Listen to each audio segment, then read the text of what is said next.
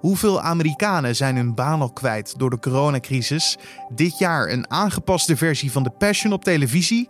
En wat betekent de coronacrisis voor de Nederlandse economie? Je hoort het in deze editie van de Dit wordt het nieuws podcast. Uh, onze huidige inschatting is uh, dat de Nederlandse economie uh, dit jaar met 5% krimpt. En dat is inderdaad meer dan dat we in, de, in 2008 en 2009 hebben gezien. De Nederlandse economie krijgt een harde klap te verwerken. Steviger dus, zelfs dan bij de financiële crisis van 2009. De Rabobank publiceert deze en andere cijfers vandaag. En we praten straks met economen Hugo Erken en Frank van Es van de bank over de gevolgen van de coronacrisis voor Nederland. Maar eerst kort het belangrijkste nieuws van nu. En mijn naam is Carne van der Brink en het is vandaag donderdag 9 april. 1 op de 5 scholen heeft momenteel niet alle leerlingen in beeld. Dat blijkt uit een peiling van de Algemene Vereniging Schoolleiders onder bijna 1000 schoolleiders in het basis- en voortgezet onderwijs. Leerlingen doen hun schoolwerk nu al sinds 16 maart gedwongen thuis, omdat de scholen dicht zijn vanwege het coronavirus. Maar volgens de vereniging heeft 22% van de scholen te maken met onvindbare leerlingen. Scholen proberen op vele manieren contact te zoeken. En als leerlingen dan nog niet van zich laten horen, wordt de hulp ingeschakeld van een leerplichtambtenaar. Niet zozeer om te beboeten, maar wel om het contact proberen te leggen of te herstellen in het belang van de kinderen. Zorgverleners die intensief werken met coronapatiënten lopen daarbij zelf een verhoogd risico op besmetting met het virus.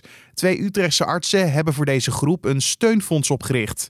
Dit fonds moet een vergoeding garanderen voor zorgpersoneel dat arbeidsongeschikt raakt of voor nabestaanden als een arts of verpleegkundige zelfs overlijdt. Het fonds valt onder de nieuwe opgerichte stichting Zorg na Werk en Coronazorg. En de stichting vraagt overheid, organisaties, bedrijven en burgers om bij te dragen aan het fonds. De coronacrisis kan ervoor zorgen dat er wereldwijd nog eens 500 miljoen mensen in armoede terechtkomen. Zo stelt Oxfam Novib in een nieuw rapport. Zo zou de strijd tegen armoede meer dan 10 jaar teruggedraaid worden door de economische schade. Vooral mensen in armere landen worden hard geraakt. Zij kunnen namelijk vaak niet terugvallen op uitkeringen of betaald ziekteverlof. Zelfs als het virus hen niet treft, zal de ellende enorm zijn, al dus Oxfam Novib. De hulporganisatie roept ministers van Financiën van rijke landen, het Internationaal Monetair Fonds en de Wereldbank op om een economisch reddingspakket samen te stellen voor deze minder bedeelde landen. En de president van Ecuador zal een onderzoek beginnen naar hoe lokale autoriteiten de lichamen van overleden coronapatiënten op straat lieten liggen in de hoofdstad. De regering van het Zuid-Amerikaanse land bood zaterdag excuses aan nadat beelden op sociale media verschenen van lichamen op straat.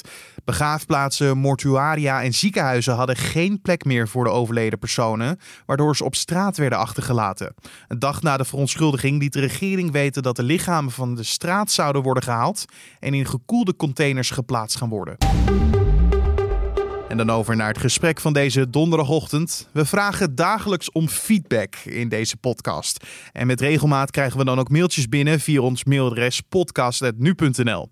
Zo ook vorige week van Marleen. Ze vroeg zich af of we aandacht konden besteden aan de economische kant van de coronacrisis. En dat kunnen we zeker, want we kwamen uit bij economen Hugo Erken en Frank van Es van de Rabobank. Vandaag komt de bank namelijk met een nieuw rapport over de gevolgen waar we vanwege het virus mee te maken krijgen op economisch gebied.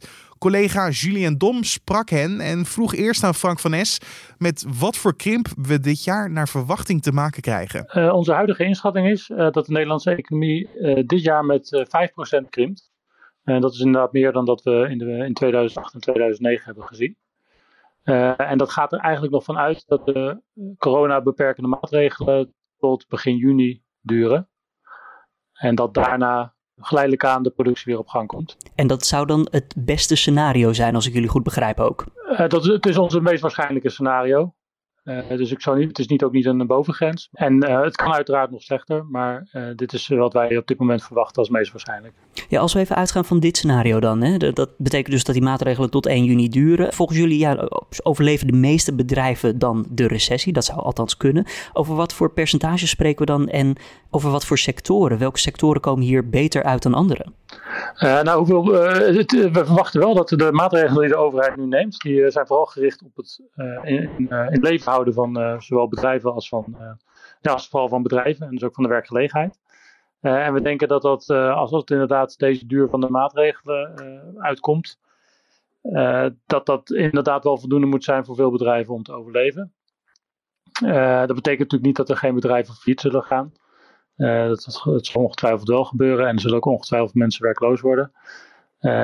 maar er wordt een, in ieder geval voorkomen dat er, dat er onnodig bedrijven failliet gaan. En als we dan kijken naar welke sectoren het hardst geraakt worden, dan zien we in Nederland dat dat met name de horeca, de landbouw, de industrie en sommige delen van de zakelijke dienstverlening zijn. En dat zijn dus typische sectoren die bewust zijn stilgelegd, eigenlijk eh, bewust zijn, ja, zijn stilgelegd door, door de beperkende maatregelen. Maar dat is wel ontzettend breed natuurlijk. Jazeker, dat, dat zijn veel sectoren die worden getroffen, inderdaad. Ja. Is er nog een sector die eigenlijk gewoon goed hier uitkomt? waar, zijn de waar worden de minste problemen verwacht? Hebben jullie dat onderzocht? Nou, we zien natuurlijk zelf dat een aantal sectoren juist lijken te profiteren. De supermarkten hebben hoge omzetten gedraaid, de bouwmarkten hebben hoge omzetten gedraaid. Uh, en ik kan me voorstellen dat de online winkels ook uh, behoorlijk uh, goed boeren momenteel. maar dat zijn toch eigenlijk maar incidenten. Je, je, ziet toch dat de meeste bedrijfstakken, ook al hebben ze misschien niet direct last van de, van de maatregelen, dat ze indirect wel last hebben omdat gewoon er sprake is van, vraag, van, van minder vraag. Eh, omdat ja, gewoon de, de, economie als geheel inzakt. Hugo, als ik dan even naar jou toe ga. voor 2021 voorspellen jullie een flinke groei in Nederland van bijna 5% weer. Kunnen we dan ook opmaken eigenlijk daaruit dat de crisistijden dan direct voorbij zijn? Als er uiteraard geen corona meer heerst tegen die tijd. Nou ja, dat is denk ik wat te voorbarig. Want je moet het ook afzetten ten opzichte van eigenlijk een situatie waarbij je geen crisis had gehad en door was gegroeid. Dus er is wel degelijk sprake van, van permanente welvaartseffect in, in, in dat opzicht. Uh, tegelijkertijd voorzien we wel met nu een relatief korte uh, duur van, uh, van de lockdown, zullen we maar zeggen, tot 1 juni. Dat die effecten en de permanente schade voor de economie, dat we daar in onze ramingen, onze groeivoorspellingen, eigenlijk maar in beperkte mate vanuit zijn gegaan. Dus we verwachten wel dat de Nederlandse economie behoorlijk veerkrachtig zal blijken. En dat we dus ook wel redelijk snel weer een herstel zien. En op, vanaf dat pad eigenlijk ook weer verder kunnen gaan, gaan groeien. Dat gezegd hebbende is het natuurlijk wel zo dat naarmate die, die lockdown langer gaat duren, dat ook de kans toeneemt dat die permanente schade voor de economie natuurlijk toe gaat nemen. Pakken we het allemaal sneller weer op dan het geval was bij de economische crisis van 2009? Nou, daar gaan wij wel vanuit. En dat heeft er vooral mee te maken dat er nu op dit moment geen uh, financiële crisis overeenkomt. Hè. In 2009 zag je eigenlijk dat op uh, brede schaal het hele financiële systeem aan het piepen en het kraken was. Waardoor bedrijven nauwelijks meer kredieten konden krijgen. Uh, massaal moesten gaan snijden in hun werkgelegenheid. Mensen massaal op straat kwamen te staan. En dat duurde er eigenlijk heel lang. Dat zie je eigenlijk ook over, over de geschiedenis heen. Op het moment dat er sprake is van een, van een financiële crisis. Dat uh, e economische crisis eigenlijk veel langer duren dan wanneer er sprake is van een kortstondige vraaguitval. Uh, die we op dit moment zien met, met de huidige gezondheidscrisis. Dus dat is wel een heel groot verschil ten opzichte van wat we in 2009 zagen. En in onze voorspellingen voorzien we dus eigenlijk ook dat die crisis kortstondiger zal zijn, wel heviger, maar wel minder langdurig. Over heviger gesproken, het aantal werklozen dat jullie verwachten, 400 tot 500.000 hier in Nederland. Hè? Hoe moeten we dat opvatten als we dan toch kijken naar een grote stijging weer in 2021? Die mensen zitten toch zonder werk en dat lijkt mij een domino-effect te hebben voor de periode daarna. Ja, we zien inderdaad een flinke oploop van de werkloosheid. Uh, dat zien we eigenlijk vooral gebeuren bij de flexibele schil. Dan denken we aan de horeca onder, onder meer, hè? Ja, zeker. Dus dat is duidelijk een, een sector die, daar dus, die zowel zwaar getroffen wordt, deze sector, als, als door deze crisis als een sector waar heel veel uh, flexibele arbeid eh, is. Dus je ziet dat daar gewoon heel veel mensen wel uh, op straat komen te staan.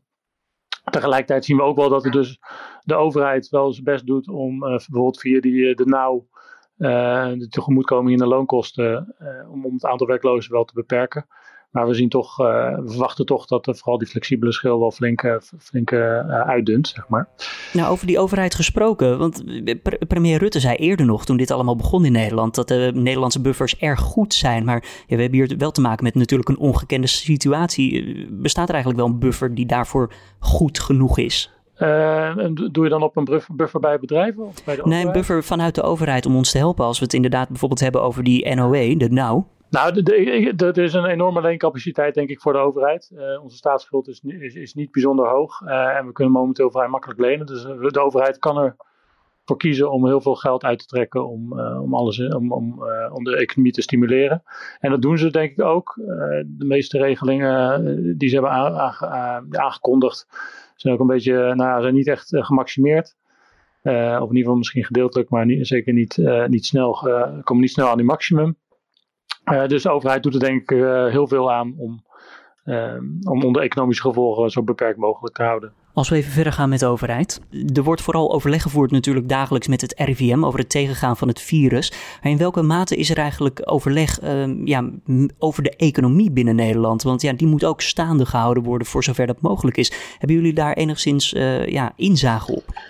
Nou ja, goed, op zich vind ik dat heel lastig om daar iets eh, als econoom over te zeggen. Uh, wat wij wel hebben gedaan in een uh, studie die uh, online komt, is dat we hebben gekeken naar wat, wat kost het de economie nou op het moment dat je niet uitgaat van een, van een lockdown van pak een beet acht weken, zoals we, of tien weken voor Nederland, zoals we op dit moment hebben, hebben ingeboekt. Maar je gaat uit van bijvoorbeeld een lockdown van nog eens eventjes drie maanden. Waarbij eigenlijk um, mondiaal, bij wijze van spreken, economieën nog eens drie maanden op slot gaan, dan zit je bijna op een half jaar. En uh, ja, dan kom je in een heel ander regime terecht. En dan verwachten we bijvoorbeeld ook dat de wereldeconomie met bijna 9% zou kunnen krimpen in 2020.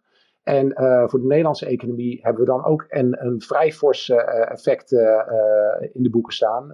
moet ik eventjes spieken hoeveel dat ik weer was? meer dan 13 Dus, ja, dat is nog nooit eerder voorgekomen, of wel? Nou, als econoom is het inderdaad wel een, rare gewaarwording. We hebben uh, regelmatig uh, scenario's gedraaid. Uh, ook bijvoorbeeld voor de Amerikaans-Chinese handelsoorlog en dat soort zaken. Ik heb eigenlijk nog nooit een krimp gezien van dubbele cijfers in dat opzicht. Dus dit is inderdaad in dat opzicht wel een, een pikzwart unicum, zou je kunnen stellen op het moment dat, uh, dat dit zich zou voltrekken. Kunnen jullie iets zeggen over het vertrouwen erin dat Nederland hier uh, sterker uitkomt? Nou ja, dat is natuurlijk een, een goede vraag. Hoe komen landen uit de crisis? Uh, ik denk op dit moment dat de overheid, zoals Frank al even aangaf, alles in het, in het mondiaal gezien, ook in andere landen, alles in het werk stelt om te proberen om de schade zoveel mogelijk te beperken. En zowel centrale banken als inderdaad overheden zelf die met allerlei fiscale maatregelen komen om, om, de, om de pijn te verzachten en bedrijven overeind te houden. Uh, toch is het wel heel lastig op het moment dat deze crisis nog verder en langer gaat duren. Hè, des te langer en dieper die zal zijn, des te groter de kans dat er ook permanente schade ontstaat. Hè, bijvoorbeeld om even een voorbeeld te noemen. Als jongeren langere tijd langs de zijlijn van de arbeidsmarkt staan, dan, wordt, uh, dan lopen ze eigenlijk kennis en vaardigheden mis die ze de rest van hun leven eigenlijk nodig hebben om, uh, om, om goed te kunnen functioneren, bij wijze van spreken. En er zijn ook wel studies die laten zien dat uh, op dat moment mensen een, een, een, litteken voor de rest van hun werkzame leven oplopen. En dat kan zich dan uiten in bijvoorbeeld 13 tot 20 procent lager loon dan wanneer je bij wijze van spreken die crisis niet had meegemaakt. Dus ja, dat zijn wel dingen die we echt moeten proberen te voorkomen. En uh, ja, goed, ik zie wel uh, om me heen dat er echt extreem hard wordt ge gewerkt om dat ook te bewerkstelligen. Maar ja, voorlopig zal de tijd leren en is de onzekerheid nog heel hoog. Hugo Erken, hoofd internationale economie en Frank van Es, senior econoom van de Rabobank, hoorde je daar in gesprek met mijn collega Julien Dom. En dan nog even snel door de nieuwsagenda van vandaag. De afgelopen weken schoten de werkeloosheidscijfers in de VS met miljoenen omhoog als gevolg van het coronavirus. Vandaag verschijnen nieuwe cijfers over de afgelopen week en dan hebben we een indicatie hoe erg het momenteel is in de Verenigde Staten. En het is vandaag Witte Donderdag, wat betekent voor de EO en de KRO-NCRV dat ze normaal gesproken de Passion uitzenden. Het muziekspektakel waarin de laatste momenten uit het leven van Jezus Christus worden verteld. Alleen vanwege het coronavirus is het evenement aangepast. Geen vol plein, niet een live band dat meespeelt en voor de rest een uitgeklede versie. Wel Johnny de Mol die het verhaal zal vertellen met fragmenten uit voorgaande edities. The Passion is vanavond om half negen te zien op NPO 1. En dan nog het weer. Het is vandaag meer bewolkt dan woensdag, maar de zon blijft regelmatig schijnen en het blijft droog. In het Waddengebied wordt het 15 graden, maar in Limburg kan het kwik zelfs stijgen tot 23 graden. Er waait een matige noordoostenwind. En om af te sluiten nog even dit. Formule 1-directeur Ross Brawn denkt dat het goed mogelijk is dat de eerste Grand Prix van dit seizoen ondanks de coronacrisis wordt verreden in Europa. De Engelsman sluit niet uit dat er in dit geval wel races zullen plaatsvinden achter gesloten deuren. We moeten de sport levend houden en dit is de kans om iedereen thuis van entertainment te voorzien, aldus Braun. De start van het seizoen is al een aantal keer uitgesteld vanwege de uitbraak van het coronavirus. Zo ging er ook al een streep door de Grand Prix in Nederland. De eerstvolgende zou in Frankrijk zijn op 28 juni, maar het is nog maar de vraag of deze doorgaat en in welke vorm dan. En dit was dan de Dit Wordt Nieuws podcast voor deze donderdagochtend 9 april. Je kan net zoals Marleen een mailtje naar ons mailadres sturen, podcast.nu.nl. Als je feedback hebt, een uh, verhaalsuggestie of andere zaken, stuur het vooral op en wij kijken er echt altijd naar. En je kan ook een recensie achterlaten in Apple Podcast. Uh, voor nu wens ik je een hele mooie dag. Mijn naam is Carne van der Brink. Vanmiddag zijn we weer terug met de middageditie van deze podcast. En anders hoor je ons morgenochtend weer. Dus tot dan.